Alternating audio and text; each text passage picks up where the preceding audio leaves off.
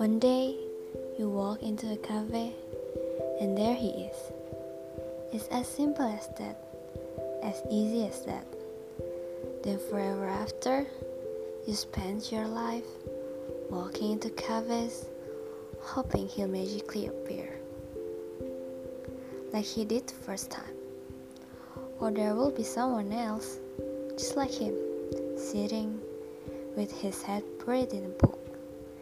He would turn to look at you, and it would all begin again.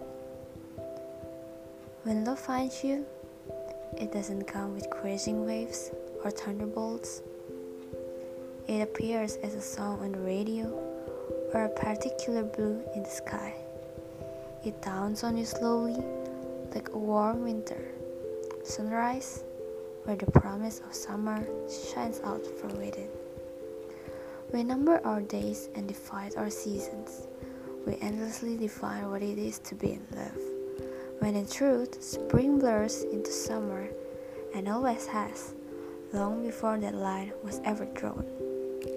Your love for him is the same. It runs wild and free, like the air around you. It stretches all across the world. It does not leave a single thing untouched.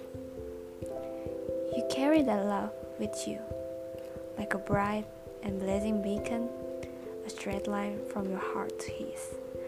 And it keeps alive that aching, throbbing hope that somewhere in the world there is a cafe, and within those walls, he is there, hoping just as much as you.